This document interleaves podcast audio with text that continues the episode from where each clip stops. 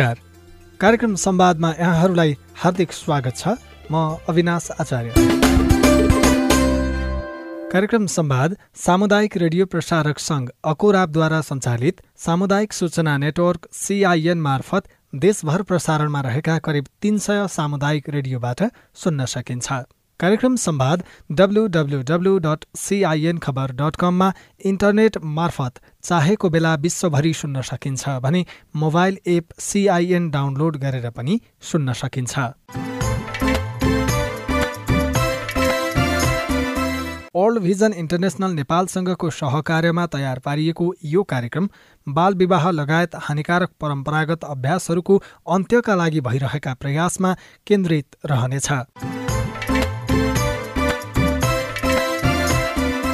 आजको कार्यक्रम संवाद नेपालमा बालविवाह लगायत हानिकारक परम्परागत अभ्यास अन्त्यका लागि स्थानीय सरकार र धार्मिक अगुवाहरूको भूमिकाका विषयमा केन्द्रित रहनेछ। नेपालले बाल अधिकारको संरक्षण र सम्वर्धनका लागि अन्तर्राष्ट्रिय स्तरमा विभिन्न प्रतिबद्धताहरू जनाएको छ। बाल अधिकार महासन्धि उन्नाइस सय उनानब्बेको नेपाल पक्ष राष्ट्र हो।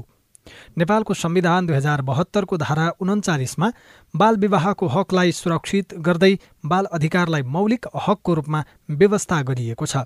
संविधानको धारा उन्चालिस बाल विवाहको हक अन्तर्गत उपधारा पाँचले कुनै पनि बालबालिकालाई बालविवाह गैर कानुनी ओसार पसार र अपहरण गर्न वा बन्धक राख्न पाइने छैन भनी बाल विवाहलाई पहिलो पटक बाल अधिकार हननको विषयको रूपमा उल्लेख गरी दण्डनीय अपराधको रूपमा स्वीकार गरेको छ।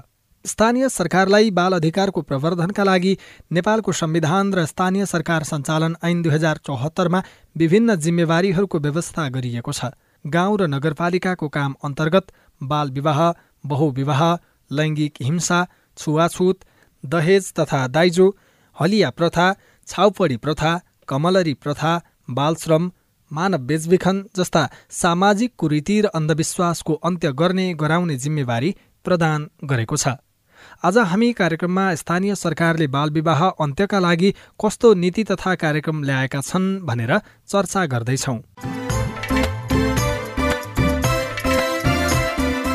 कार्यक्रमको सुरुवातमा मिक्का खोला गाउँपालिकामा बालविवाहको अवस्था र यसको अन्त्यका लागि गरिरहेको प्रयासका विषयमा पालिकाका अध्यक्ष भक्तबहादुर कार्कीसँग गरिएको यो कुराकानी। ताप्लेजुङ जिल्ला मिक्का खोला गाउँपालिका हो सो मिक्का खोला गाउँपालिकामा चाहिँ बालविवाहको अवस्था न्यून भइरहेछ तैपनि कतिपय यो मोबाइल अथवा कन्ट्याक्ट र यो कारणबाट चाहिँ केही बालविवाह त चलेकै छ। तर यसलाई न्यूनीकरण गर्न हामीले अत्याधिक जोड गरेका छौँ।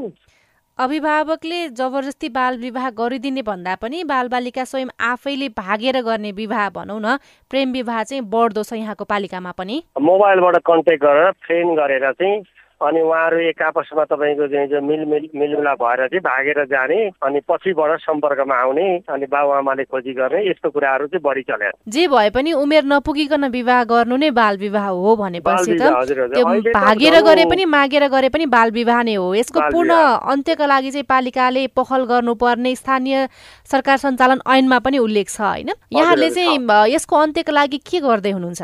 हामीले चाहिँ ठाम ठाम विशेष महिला किशोर किशोरीहरूलाई राखेर बोलाएर अब यो चाहिँ बिस वर्षभन्दा अगाडि चाहिँ बिहे गर्नु कानुनमा त छैन र एक त तपाईँहरू चाहिँ गरी खाने जुन पढ्ने अवसर हुन्छ जो दिमागलाई एउटा चाहिँ सही मार्गमा लाग्ने अवस्था हुन्छ त्यो चाहिँ त्यतापट्टि जानुपर्छ। बिहे भन्ने कुरा चाहिँ पछाडि आफ्नो समय आफू गरी खान सक्ने अवस्था कुनै जागिर रोजगारमा पढाइसकेपछि मात्रै गर्नु राम्रो हुन्छ भनेर उहाँहरूलाई चाहिँ कुनै माध्यमबाट चाहिँ सिकाइ पढाइ अथवा कार्यक्रम राखेर हामीले सम्झाउने बुझाउने कार्यक्रम चाहिँ गर्दै गरेका छौँ एक र गर्नेवाला पनि छौँ। जस्तो यहाँले बाल विवाह गरिसकेपछि अभिभावकहरूले उजुरी गर्ने र बालबालिकाहरूलाई फेला पारेपछि सम्झाइ बुझाइ गरेर फेरि अभिभावकहरूलाई बालबालिकाले अभिभावकको कुरा त सुन्दैन उहाँहरूले बुझ्दैन।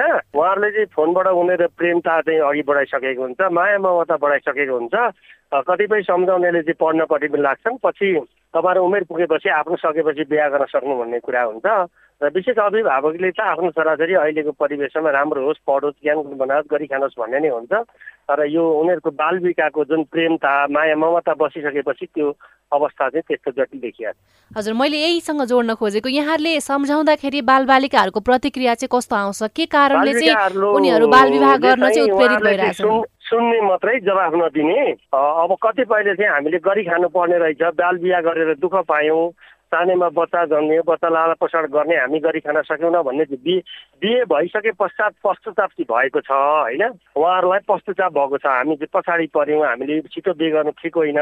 भन्ने कुरा चाहिँ भएको छ। यसरी उमेर नै नपुगिकन विवाह गर्नु यो चाहिँ कानुनी रूपले पनि गैर कानुनी क्रियाकलाप हो भन्ने कुरा उनीहरूलाई थाहा हुँदा हुँदै पनि कतिपयले बाल विवाह गरेको देखिन्छ। विभिन्न हुँदै पनि उनीहरू त्यो एउटा त्यो उमेर चाहिँ त्यो जुन किशोर किशोरी उमेर भनेको चाहिँ अति चञ्चल उमेर हुने रहेछ। त्यो उमेरले पनि उहाँहरूलाई त्यस्तो खालको अवस्था बनाउँदो रहेछ पन्ध्र सोह्र वर्षको उमेर चाहिँ। यसको पछाडि चाहिँ पारिवारिक आर्थिक अवस्था आमा बुबाले गर्ने व्यवहार को कारणले गर्दाखेरि पनि कतिपयले बाल विवाह गरिरहेको भन्ने कुरा पनि आउँछन्। उनीहरूको चाहिँ अलि जातीय फरक जातिमा इन्टरकास्ट गरे भने अलिकति पारिवारिकले चाहिँ बढी हिंसा घृणा गर्ने प्रथा अझै छ र आफ्नै कुटुमेरी चल्ने ठाउँमा गयो भने गइहालोस् बोलाएर टिका टालो यसो बिहे गरिदिउँ। बोलाएर बिहे गर्ने हाम्रो एउटा चाहिँ सामाजिक जुन एउटा धार्मिक छ त्यस त्यही अनुसारको चाहिँ सामाजिक धार्मिक बिहे गर्ने चलन गाउँघरमा त्यसै नै चल्या अब यसको पूर्ण रूपमा अन्त्य गर्ने दायित्व त स्थानीय सरकारलाई नै छ फेरि पनि। अब यसको अन्त्यको लागि यहाँहरूले कुनै नीति अवलम्बन गर्नु भएको छ अथवा हामीले चाहिँ कुनै कुनै बिहा गरेर पढ्छौँ ओर्छौँ भनेलाई फरक तिमीको बिस वर्षसम्म एसएलसी बाह्र आइए नपढाउँदैछौँ बरु पालिकाले पनि केही रुपियाँ सहयोग गरिदिन्छौँ तिमी पढ। यसलाई चाहिँ अहिले छोडेर तिमीहरूको कुनै प्रेमता छोडेर पनि उसमा जाऊ भन्ने सम्म चाहिँ कलकदमी गरेका छौँ होइन? जहाँसम्म अन्त्य नै त नहोला केही चाहिँ प्रयास चाहिँ साठी पैँसठी सत्तरी पर्सेन्टसम्म चाहिँ गर्न सकिन्छ भन्ने लागेको छ। यो लगायत अन्य हानिकारक परम्परागत अभ्यासहरू पनि छन् चलन चल्तीमा अझै पनि समाजमा थुप्रै कुप्रथाहरू छन्। ती कुप्रथाहरूको अन्त्यका लागि चाहिँ पालिकाले कस्तो खालको प्रयत्न गरिरहेको छ? जातीय कुरा त केही प्रथा चलिराखेको छ केही धेरै अन्त्य भएको छ। यो चाहिँ लैङ्गिक हिंसामा पनि त्यति साह्रो अहिले न्यून भएको छ अवस्था छ। र विशेष महिलाहरूलाई अब अलिकति विशेष बेरोजगार अनि गरिबपनले पनि यो कुरा बढी उठ्याएको छ। पढौँ भन्दा पढ्ने अवस्था छैन। अब रोजगार लिउँ भन्दा नेपालमा रोजगार पनि छैन। अनि एसएलसी गरिसकेपछि एघार बाह्र चाहिँ खर्च सर्च नहुने प्रेमता जोड्ने बरु बिएससी गर्ने न रोजगार पाइन्छ न पढेर केही उपलब्धि छ अब केही छैन भन्ने कुरा चाहिँ बढी मानसिक त्यस्तो छ। अब रोजगार पनि छैन। के पनि छैन होइन? अब अलिकति यसो पैसा भएको धनी सनीको छोरा अलिक केही भएको देखियो भने पनि त्यतिपट्टि लोभिने अवस्था पनि बढी त्यस्तो देखिन्छ। अब त्यसो हो भने त रोजगारीको सिर्जना गर्नुपर्ने रहेछ नि त पालिकाले। मेन कुरो नेपालमा रोजगारको अन्त्यतै बेरोजगार मान्छे छ। रोजगार छैन आय मुलुक छैन पैसाको काम मात्रै छ। यो कारणले गर्दा राष्ट्रले नै अब नेपाली युवा युवती अथवा नेपाली जनतालाई कसरी रोजगार दिने हो? यो एउटा चाहिँ भिजन नबनाएसम्म यो धेरै गाह्रो बनाएर त सम्भवै छैन के? सानोतिनो काम त हामी गर्दैछौँ। त्यसले सबैलाई अटाउन सकिँदैन। अब ठुल्ठुलो फ्याक्ट्रीहरू कुनै चाहिँ एउटा चाहिँ गाउँपालिकामा एक दुई सय दुई तिन सयजना मान्छेले रोजगार पाउने गरी खालको अवस्था बन्यो भने केही न केही न्यूनीकरण चाहिँ हुन्छ। जस्तो पालिकाले पनि महिलाहरूको आर्थिक उपार्जनको लागि केही कार्यक्रम नीति अवलम्बन गर्न सकेको खण्डमा त पालिकाभित्रका महिलाहरूको आर्थिक उपार्जनको लागि त केही गर्न सक्छ नि त? होइन। सिपमूलक आयमूलक काम भएको छ। अब त्यो पनि कस्तो छ भने कसैले तपाईँको चाहिँ उनीहरूको चाहिँ फर्म दर्ता भएको हुनु पर्यो के हुनु पर्यो अनि आफ्नै व्यक्तिगत भन्छ एक दुईजना आफ्नो मान्छे राख्छ के राख्छ समस्या छ। तपाईँको चाहिँ पुरै एउटा निष्पक्ष लेभलमा चाहिँ अब निकै ठुलो अब दुई चारजनाको काम हुन्छ अब सयौँ दुई हजारौँजना मान्छे बेरोजगार छ कसरी समाधान गर्नु त? तर निकै लामो समयदेखि सरकारले यसको विरुद्ध थुप्रै अभियानहरू चलाइरहेका छन् तथापि यसको पूर्ण रूपमा अन्त्य हुन सकेको छैन। पहिलाभन्दा केही परिवर्तन त भएको छ भन्ने कुरा देखिन्छ होइन? यसलाई चाहिँ तपाईँले कसरी लिनु भएको छ? होइन यसमा चाहिँ के पनि छ भने सरकारले चलाए तापनि अब गाउँघर कुना काप नहुने आफ्नो आफ्नो कहाँ पाकेर छ त्यहाँ गर्ने। अनि कतिपय पार्टीगत किसिमको हुन्छ कसैको व्यक्तिगत किसिमको त्यसरी गर्ने त्यसरी पाउन त पाउने नै हुन्। र समग्रमा चाहिँ अब गरिब गुरुब तथा असहाय अपाङ्गहरू आदिहरूको सम्बोधन हुने अवस्था चाहिँ कमै छ हेर्नुहोस् उहाँहरूको प्रयोग गर्ने खोजी गर्ने उहाँहरूले ल्याउने जाने सके पहुँच पनि पुग्दैन। र स्थानीय तहमा अलिअलि सामान्यले उहाँहरूलाई जोड्न नसकिने। राज्य स्तरबाट चाहिँ त्यस्तो त्यस्तोहरूलाई चाहिँ अघि बढाउने गरिब तथा असहाय अपाङ्ग तथा दलित तथा यी आदिलाई गर्ने हो भने अब दलितमा पनि ल्यायो त्यो जुन धनी छ जुन पैसा बाल्छ त्यही अघि बढेर आउँछ म दलित भन्छ उफ्रिन्छ। अनि एउटा एउटा एक पक्ष आएर यो किन पाउने यो चाहिँ गर्न खोजेको थियो भन्छ। अनि त्यो गरिब तथा निमुको असहाय अपाङ्ग चाहिँ पछाडि परेको पऱ्यो। त्यसको छानबिन गर्ने जिम्मा त स्थानीय सरकारलाई छ नि त। यहाँहरूले होइन हामी त अब भर्खर नयाँ आएको छौँ। हामी निष्पक्ष गर्ने पक्षमा छौँ होइन? जहाँसम्म निष्पक्षतामा छौँ तर सबैलाई पुग्दैन। अनि त्यसको चाहिँ नि प्रतिकार प्रति उत्तर हुने कुराहरू चाहिँ अब भइरहन्छ। अब भन्नु के छ र अब? पालिकाको त्यो तपाईँको चाहिँ बजेट पनि आउँदा धेरै देखिन्छ। बजेट गर्ने चाहिँ त्यो चाहिँ आठ नौ दस करोड हुँदो रहेछ। अनि अस्थायी भन्यो के भन्यो के के भन्यो के के भन्यो त्यसले ठुलो उपलब्धि पो केही देखिन मैले त राज्यले चाहिँ सिङ्गो एउटा षड्यन्त्र बनाएर लाँदा मात्रै हुने नीति कार्यक्रमै बनाउनुपर्छ क्या? नीति तथा कार्यक्रमहरू भए तापनि त्यसको प्रभावकारी कार्यान्वयन नहुँदाखेरि पनि यसको पूर्ण रूपमा अन्त्य नभएको भन्ने खालका गुनासाहरू पनि आउँछन् होइन? यहाँले चाहिँ अब यो चालु आर्थिक वर्षका लागि यो सामाजिक कुरीति कुसंस्कारहरू अन्त्यका लागि केही विशेष कार्यक्रम अथवा बजेटिङ गर्नुभएको छ कि छैन? हजुर हामीले कार्यक्रमहरू त्यसरी महिला हिंसा अपाङ्ग असर मैत्रीहरूको निम्ति चाहिँ सल्लाह सुझाव विशेष चाहिँ पढ्नुपर्छ रोजगारपट्टि लाग्नुपर्छ एउटा गरी खाने आफ्ना खुट्टामा आफै उभिने बन्नुपर्छ भन्ने सल्लाह सुझावको लागि कार्यक्रम चाहिँ राखेको छ। त्यसको प्रभावकारी कार्यान्वयन चाहिँ कसरी गर्दै हुनुहुन्छ? होइन यो चाहिँ अब टोलमा अब महिलाहरू किशोर किशोरी लगायत त्यस्तो खालको अभिभावकको भेला गरेर प्रशिक्षण गराउने र अन्त्यत चाहिँ बेरोजगारहरूलाई कहाँ रोजगारमा केमा लान सकिन्छ त्यो पल पर गरे अब हामी त नयाँ हौ भर्खर सुरुवात हुँदैछ आर्थिक वर्ष बजेटका चाहिँ उसमा आएकै छैन। अब आउँदा कार्यक्रम गर्ने चाहिँ हामी विभिन्न विज्ञहरूसँग हार गुहार गरेर गर्ने सोच बनाएको कसरी प्रभावकारी गर्न सकिन्छ भनेर एउटै विवेक दिमागले भ्याउन सबैले सङ्घ संस्थाहरू त्यसरी चलाउने यसलाई कसरी गर्न सकिन्छ भन्ने यसको अध्ययन चाहिँ गर्दैछौँ।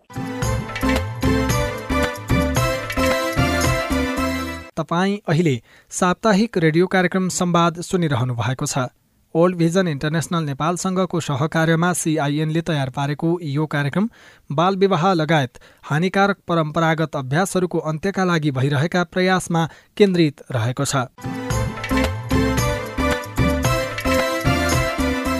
विश्वव्यापी स्तरमा बाल विवाहलाई सहस्राब्दी विकास लक्ष्य प्राप्तिका लागि एक बाधकको रूपमा पहिचान गरी दिगो विकासका लक्ष्यहरूको कार्यसूचीमा बाल विवाह अन्त्य गर्ने विषयलाई प्राथमिकताका साथ समावेश गरिएको छ। नेपालले बाल अधिकार सम्बन्धी महासन्धि उन्नाइस सय उनानब्बेलाई अनुमोदन गरिसकेको छ। नेपालमा बाल विवाहलाई दण्डनीय अपराध माने तापनि यो प्रचलनलाई अझै पनि पूर्ण रूपमा हटाउन सकिएको छैन। नेपालको संविधानले महिला तथा बालबालिका सम्बन्धी हकलाई मौलिक हकको रूपमा स्थापित गरेको छ र पनि बालविवाहका घटना अन्त्य नै हुन भने सकेको छैन। तर बाजुराको त्रिवेणी नगरपालिकाले भने गत वर्ष नै पालिकालाई बालविवाह मुक्त पालिका घोषणा गरिसकेको छ। घोषणा पछि पनि के बालविवाह भएका छैनन् त? यसको निरन्तरताको लागि पालिकाले के गरिरहेको छ? हामीले उपप्रमुख कमला कुमारी जैसीसँग कुराकानी गरेका छौँ। अहिले त्रिवेणी नगरपालिकाको हकमा बाल विवाहको हामीले अन्त्य गरिसकेका छौँ। बाल विवाह मुक्त नगरपालिका घोषणा पनि गरिसकेका छौँ। बाल विवाह मुक्त घोषणा गर्नको लागि विभिन्न महिला सम्बन्धी जनचेतनामूलक कार्यक्रम सोह्र दिने महिला हिंसा विरुद्धको अभियान सञ्चालन पनि गरेका थियौँ। त्यस कारणले विभिन्न ठाउँमा बाल क्लबका भाइ बहिनीहरूलाई पनि नगरपालिका स्तरको विभिन्न कार्यक्रमहरूमा संलग्न गरेर उनीहरूलाई बाल विवाह गर्नु हुँदैन। बाल विवाहका कारणले विभिन्न अवरोध हुन्छन् भनेर हामीले बाल क्लबलाई पनि जनचेतनामूलक तालिम गरेका थियौँ। त्यस कारणले अहिले त्यस त्रिवेणी नगरपालिकामा बाल बाल विवाह मुक्त नगरपालिका घोषणा भएको छ। कुनै पनि ठाउँमा बाल विवाह गरेको रेकर्ड पाइएको छैन। अहिलेको अवस्थामा म तत्काल जनप्रतिनिधि भएर आएको जम्मा चार महिना भयो। त्यो अवधिमा मैले कुनै पनि बाल विवाह भएर आएको कुनै पनि व्यक्तिलाई देखेको पनि छैन त्यस्तो म माथि त्यस्तो मुद्दाहरू आएको पनि छैन। हजुर बाल विवाह मुक्त पालिका घोषणा गरिसकेपछि पनि बाल विवाह नहोस् भन्नका लागि चाहिँ यहाँको पालिकाले यस अभियानलाई निरन्तरता दिनको लागि चाहिँ कस्तो खालको क्रियाकलाप सञ्चालन गरिरहेको छ त अहिले? यसको निरन्तरताको लागि चाहिँ कस्तो खालको अभियान सञ्चालन गरिरहेको छ? यो पालिकाले अझै पनि बालबालिकालाई जनचेतनामूलक कार्यक्रम बाल महिला तथा बालबालिका क्षेत्रमा पैसा छुट्याएर उनीहरूलाई जनचेतनामूलक कार्यक्रम गरेर सोह्र दिने महिला हिंसा विरुद्धको कार्यक्रम गर्ने अहिले पनि नीति तथा कार्यक्रममा मैले त्यस्तो कार्यक्रम राखेकी छु। हजुर। जति बेला त्रिवेणी नगरपालिकालाई बाल विवाह मुक्त नगरपालिका घोषणा गरिएको थियो त्यति बेला तपाईँ पालिकामा आम नागरिकको रूपमा रहनु भएको थियो। यहाँले नजिकबाट निहाल्नु भएको छ। कस्तो खालको क्रियाकलाप चाहिँ सञ्चालन गरिएको थियो र यो सम्भव भयो? यो जनप्रतिनिधि हुनुभन्दा पहिलाको अवस्थामा विभिन्न महिला तथा बालबालिका सम्बन्धी काम गर्ने यो बाजुरा जिल्लामा एउटा कार्यालय थियो। त्यो कार्यालयबाट विभिन्न कार्यक्रमहरू सञ्चालन गरेर वडा स्तरमा पनि बालबालिका सम्बन्धीको विभिन्न बजेट विनियोजन गरेर बालबालिका सम्बन्धी बाल क्लब किशोर किशोरीलाई विभिन्न तालिम गोष्ठी गराएर जनचेतनामूलक ताल कार्यक्रम गरेका थियौँ पहिला पनि। हजुर। यो बाल विवाह लगायत अन्य हानिकारक परम्परागत अभ्यासहरू जस्तै महिलामाथि हुने हिंसाको अवस्था चाहिँ कस्तो पाउनु भएको छ यहाँले बाजुरामा?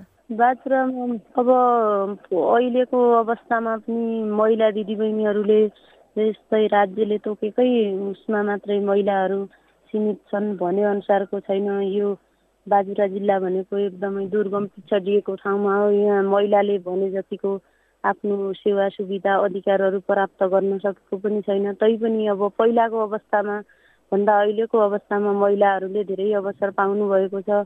महिला जस्तै कुनै पनि समितिमा महिला समेटिनै पर्ने ठाउँमा महिला दिदीबहिनीलाई समेटिएको छ। महिलाको सहभागिता अहिलेको अवस्थामा राम्रै भएको छ। हजुर। विभेद नहोस् भन्नका लागि महिलामाथि कुनै पनि प्रकारको हिंसा नहोस् भन्नका लागि चाहिँ पालिकाले कस्तो रणनीति अप्नाइरहेको छ त? पालिकाले महिला दिदीबहिनीसँगै त्रिवेणी नगरपालिकाको महिलासँग उपप्रमुख कार्यक्रम भन्ने एउटा राखेकी छु। त्यसमा प्रत्येक वडा वडामा गएर प्रत्येक ठाउँकी महिला दिदीबहिनीहरूलाई कार्यक्रम गरेर जनचेतनामूलक कार्यक्रम गर्ने उद्देश्य पनि राखेकी छु। विभिन्न महिला दिदीबहिनीहरू चुलोमा सीमित हुनुहुन्छ। उहाँहरूलाई पराई पुरुषहरूले त्यो ठाउँमा काम नगरेर धुवा धुलोमा पिल्चिरहनु भएको छ। महिला दिदीबहिनीहरूलाई विभिन्न धुवा रहित चुलो वितरण गरिरहेको छ। त्रिवेणी नगरपालिकाले पोषणयुक्त कार्यक्रममा एउटा कार्यक्रम त्यो पनि भयो महिलाहरूको लागि। महिलाहरू सधैँ घाँस दाउरामै सीमित हुने धुवा धुलोमै धुवा धुलोकै कारणले महिलाहरूले विभिन्न रोगहरू खेप्नु परेको छ त्यसका लागि एउटा सुधारिएको चुलो वितरण गरेका छौँ।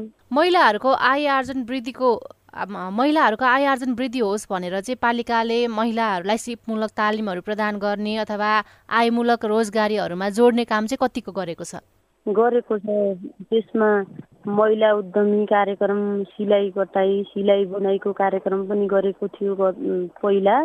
अझ पनि हामीले गर्ने भनेर रकम छुट्याएको छ तर अहिले तत्काल सञ्चालनमा छैन। अब त्यो कहिलेबाट चाहिँ सञ्चालनमा आउला? यहाँहरूले योजना बनाइसक्दाखेरि त यति दिनपछि सञ्चालनमा आउँछ भन्ने त हुन्छ नि त। अब तत्कालमा त्यसको लागि सञ्चालन गर्ने पहलमा छौँ।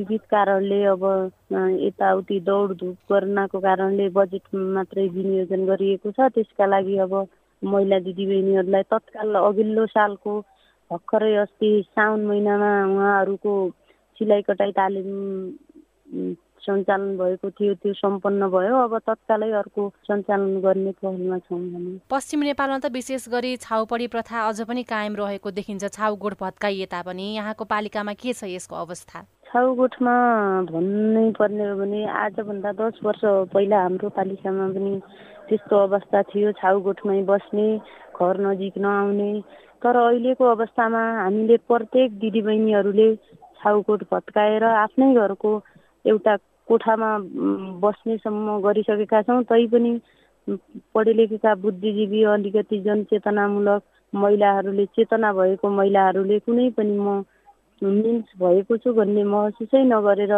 बिस्तारै अन्त्य हुने अन्त्य हुँदै गएको छ त्यसको।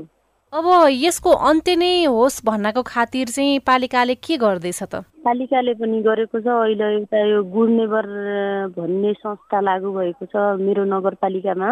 त्यो संस्थाले पनि विभिन्न सासु बुहारी कार्यक्रम अनि धामी झाँक्री सम्बन्धी कार्यक्रम विभिन्न महिनावारी सम्बन्धी विभिन्न कार्यक्रमहरू गरेर चाँडै अन्त्य हुँदैछ त्यसको बारेमा। अब यसको के कारणले चाहिँ यसको पूर्ण रूपमा अन्त्य हुन सकिरहेको छैन भन्ने यहाँको ठम्याइ छ? यसको अन्त्य यो अब पहिलादेखि पूर्व पुर्खादेखि नै मान्ने आएको चलन हुनाले बिस्तारै अब हामी जसै जस्तै म परिवर्तन छु म परिवर्तन भएर मेरो छोरीलाई गर्ने हो मेरो छोरीले आफ्नो छोरीलाई गर्ने हो बिस्तारै हुने कुरा हो एकैचोटि मेटाउन सकिँदैन म्याडम। जे होस् परिवर्तन चाहिँ सकारात्मक परिवर्तन चाहिँ हुँदैछ। हजुर सकारात्मक भइरहेछ जस्तै मैले पनि पहिलोचोटि म मिन्स हुँदा मेरो बाबुआमाले आफ्नो नजिक आउन नदिएर नछुन दिने अवस्था थियो। अहिलेकै अवस्थामा म मेरो परिवारमा खाना पकाउनेदेखि खाना खानेसँगै खानेसँगै बस्ने गरिरहेको छु त्यही गरेर देखाएको छु कि ओल्लो पल्लो घरको दिदी बहिनीलाई पनि मैले त्यही केही हुँदैन देउ देउतालाई छुएपछि भन्ने जनचेतना जोगाइरहेको छु त्यही अन्तर्गत बिस्तारै हट्छ यसका लागि। एकैचोटि सबै सम्भव हुँदैन। परिवर्तन आफैले सुरुवात गर्नुपर्छ भन्ने पनि हो मैले आफै नै गरिरहेको छु त्यसका लागि। हजुर। छोरा र छोरीमा गरिने विभेद चाहिँ कस्तो पाउनु भएको छ यहाँले? छोरा र छोरीमा अब पहिला हाम्रो म पढ्ने अवस्थामा म पहिला पहिला दुई हजार अडचालिस सालमा जन्मिएको त्यसपछि पचास बाहन्न सालतिर छोराहरू मात्रै स्कुलमा जाने छोरीहरू कम रेसियोमा थिए जस्तै मै पढ्ने अवस्थामा पनि।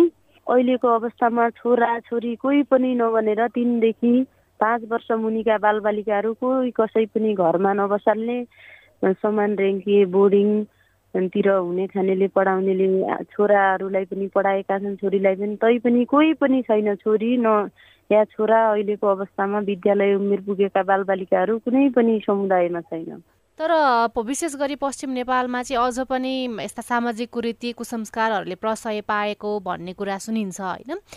यहाँको पालिकाले चाहिँ यसको पूर्ण रूपमा अन्त्यका लागि विभिन्न जुन कार्यक्रमहरू योजनाहरू तर्जुमा गर्नुभएको छ ती योजना कार्यान्वयनको लागि चाहिँ कस्तो खालको पहल गरिन्छ? प्रभावकारी कार्यान्वयन भनौँ न। प्रभावकारी कार्यान्वयन नहुँदाखेरि चाहिँ त्यो काम गर्ने अभियानहरू चलाउने तर परिवर्तन भने समाजमा नहुने बजेट मात्रै सकिने अवस्था पनि रहन्छ होइन? त्यस्तो नहोस् भन्नका लागि चाहिँ यहाँ स्वयं आफै कतिको प्रतिबद्ध हुनुहुन्छ? त्यसका लागि परिवर्तन भइरहेछ। पहिला पहिला बालबालिकाहरूले ठुलो मान्छेसँग बोल्ने लजाउने अनि आफ्नो परिचय दिन पनि नसक्ने अहिले बिस्तारै बालबालिका सम्बन्धीका विभिन्न कार्यक्रमहरू गरेपछि बालबालिकाहरूले आफै ठुल्ठुलो सभा समारोहमा उनीहरू नै सञ्चालक भएर ठुल्ठुला कार्यक्रमहरू सञ्चालन गर्ने त्यस्ता धेरै उसमा बालबालिकाहरू अगाडि बढेका छन् अहिलेको अवस्थामा। हिंसामा परेका महिलाहरू विभेदमा परेका महिलाहरूले चाहिँ न्याय माग्नको लागि यहाँको ढोका ढकढक्याउनु भयो भने यहाँले उहाँलाई न्याय दिलाउनको लागि कतिको प्रतिबद्ध हुनुहुन्छ? त्यस्तो समस्या म माथि आएको छैन आएपछि उहाँहरूलाई सकेसम्म सेवा सुविधा दिलाउने जस्तै कुनै एकल महिला हुनुहुन्छ भने उहाँहरूलाई कुनै आय आर्जनको कुनै सिपमूलक कार्यक्रममा लगानी गरेर उहाँहरूलाई केही न केही गर्ने गरेर नै उहाँको जीवन बिताउने काममा पनि अगाडि बढाउने छु म। स्थानीय तहमा बाल विवाहको अन्त्य र बाल विवाहको कारणबाट विभिन्न जोखिम र हिंसामा परेका विवाहित र अविवाहित बालबालिका र किशोर किशोरीहरूलाई आफ्नो पूर्ण क्षमताको प्राप्ति र उपयोगका लागि सक्षम बनाई जीवनमा सकारात्मक परिवर्तन ल्याउनका साथै देश विकासमा उनीहरूको समान सहभागितालाई सुनिश्चित गर्नुपर्ने आवश्यकता रहेको छ। अब भने कार्यक्रममा यो सन्देशमूलक गीत सुनौ नमस्कार म पञ्चकली बुढा। मेरो घर जुम्ला पातरासी गाउँपालिकामा पर्छ। सबैभन्दा धेरै बाल विवाह हाम्रो पातरासी गाउँपालिकामा हुन्छ।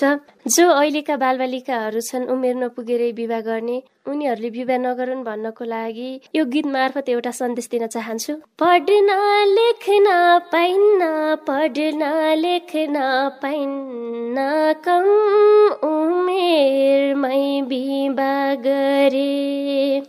समाजलाई छैन समाजलाई छैन यस्तो कुसंस्कार अब सबले सोच्नु पर्छ सबले सोच्नु पर्छ बाल विवाह अपराध हो। जानै जाने गर्छ जानै जाने गर्छ स्वास्थ्यमा समस्या आउँछ। जानै जाने गर्छ जानै जाने गर्छ स्वास्थ्यमा समस्या आउँछ। घर बर्रम हुन्न घर बर्रम हुन्न। कर कपमा विवाह गरे। पर्छ अब सुन्न पर्छ अब सुन्न कानुनले गरेका कुरा आमा हुन्छन् आमा कमजोर हुन्छन् बच्चालाई कुपोषण हुन्छ। पछुताउँदै रुन्छन् पछुताउँदै रुन्छन् बल विवाह गरेका जोडी।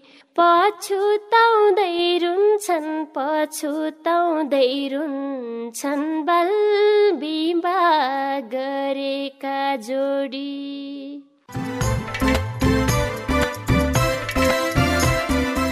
यो सँगै कार्यक्रम संवादको निर्धारित समय सकिनै लागेको छ। आजको विषयवस्तु तपाईँलाई कस्तो लाग्यो? बालविवाह लगायत हानिकारक परम्परागत अभ्यासहरूको अन्त्यका लागि तपाईँका केही अनुभव पो छन् कि? हाम्रो टेलिफोन नम्बर शून्य एक बाहन्न साठी छ चार छमा फोन गरेर दिइएको निर्देशन अनुसार तपाईँ आफ्नो अनुभव तथा सल्लाह सुझाव जिज्ञासा एवं प्रतिक्रिया रेकर्ड गराउन सक्नुहुन्छ। साथै तपाईँले हामीलाई हाम्रो Facebook page community information network सिआइएनमा गएर पनि आफ्ना कुरा लेख्न सक्नुहुनेछ। हामी तपाईँको प्रतिक्रिया पर्खिरहनेछौँ। ओल्ड भिजन इन्टरनेसनल नेपालसँगको सहकार्यमा सिआइएनले तयार पारेको कार्यक्रम संवादबाट प्राविधिक साथी सुरेन्द्र सिंहसँगै म अविनाश आचार्य पनि विदा हुन्छु। नमस्कार।